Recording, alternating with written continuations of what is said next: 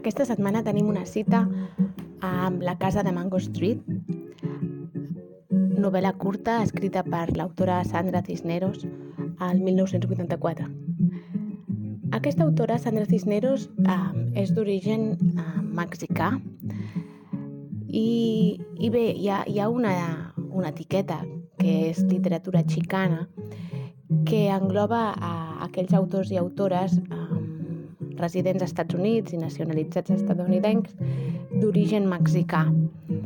Dins d'aquesta literatura eh, s'inscriuria l'obra de Sandra Cisneros.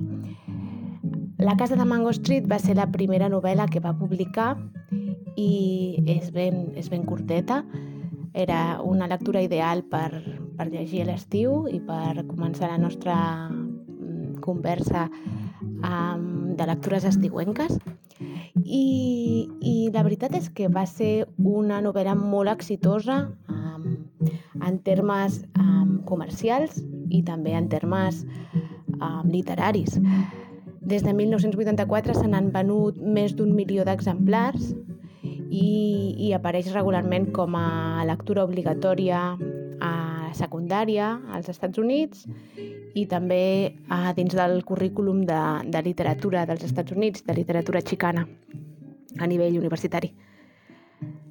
Um, aquesta obra la van seguir altres com um, The Eyes of Zapata, um, Ojos de Zapata, i, i Caramelo, que per contraposició a, a Mango Street és una novel·la de més de 500 pàgines, però que um, en, manté, manté el to i manté l'estil i la frescor del llenguatge de, de Mango Street. L'obra que ens ocupa és, és una obra de prosa aparentment senzilla. De fet, quan, bueno, quan agafem el llibre, que és bufó així, petitet, um, hi pot haver una temptació de, de classificar-lo com a literatura infantil o juvenil. Però això és, és segurament és només una aparença. Perquè entre les, les històries que s'hi expliquen d'una jove mexicano-americana en un humil barri de Chicago, doncs hi ha elements que són força durs, cruents i que no, i que no fa en absolut per literatura infantil. Bé, la, la idea d'aquesta gravació és oferir un marc per desenvolupar una comprensió més profunda dels temes i contextos claus en la casa de Mango Street. Um, en la nostra tertúlia de dimecres um, tindrem l'ocasió d'abordar-la des de diferents perspectives, um, de manera que jo em limitaré aquí a, a esmentar algunes de les possibilitats interpretatives o de les possibilitats per a discussió.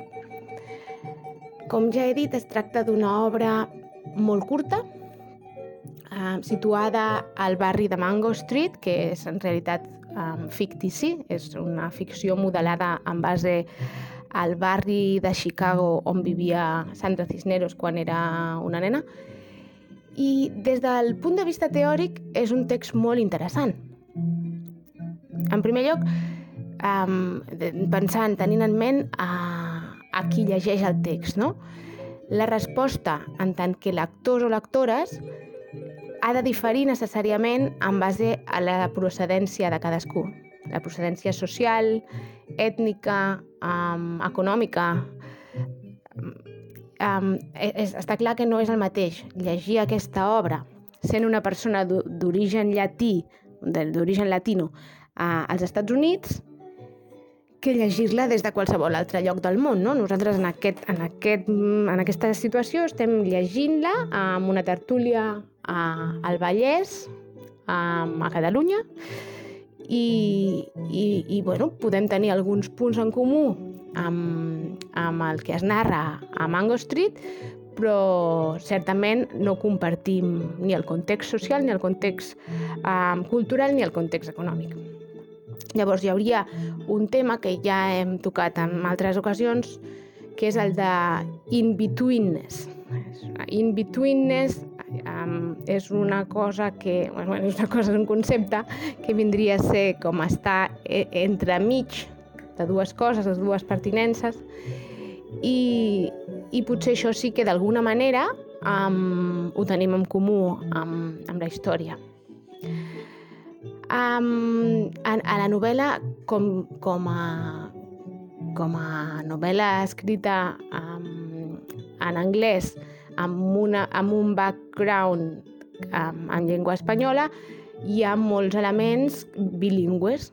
I, per exemple, la protagonista es diu Esperanza i, i, i ella reflexiona entorn del seu nom, Speranza, i, i des de la seva parla en anglès li sona, diu que li sona com a llauna, no? Li sona com si, com, com estrany.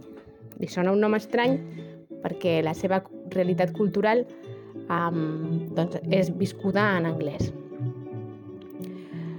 Un altre tema que resulta interessant a, a Mango Street és com aquesta ficció així acotada, amb capítols breus i una perspectiva um, d'una noia adolescent, suposa els sistemes patriarcals i, i de quina manera um, Cisneros contrarresta estereotips, no només de gènere, sinó també, um, bueno, no només pel que fa al sistema patriarcal, sinó també um, a través de la mirada cap a les relacions entre, entre bueno, les relacions d'amistat femenina, amb les relacions entre parelles, amb de quina manera amb la violència és present en, en aquest ambient um, socioeconòmicament humil.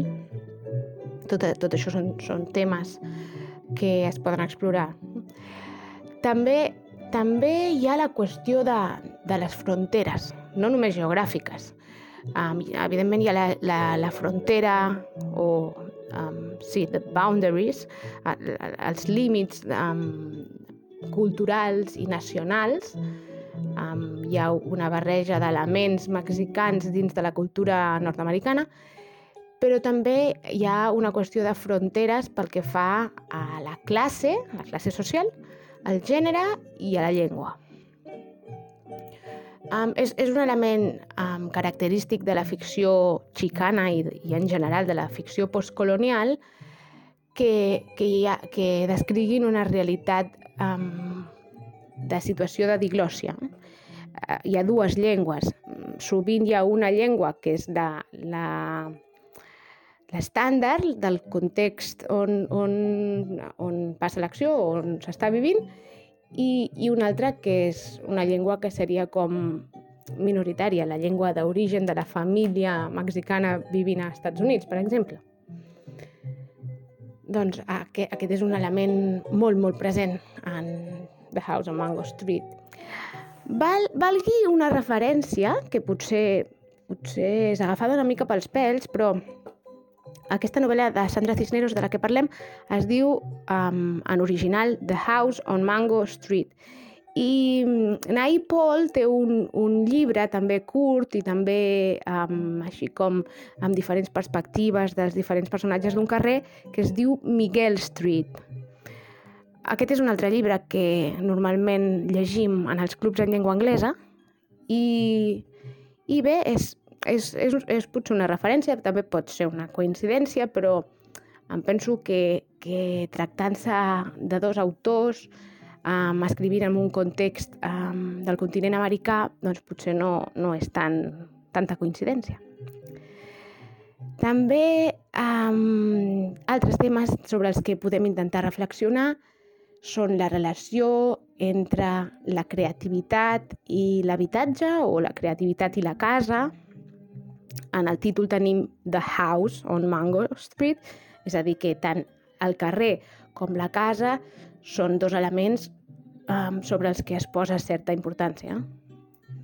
De quina manera aquesta um, protagonista adolescent, Esperanza, pot, um, pot tenir la possibilitat de desenvolupar la seva creativitat, de quina manera pot accedir a una educació superior, etc.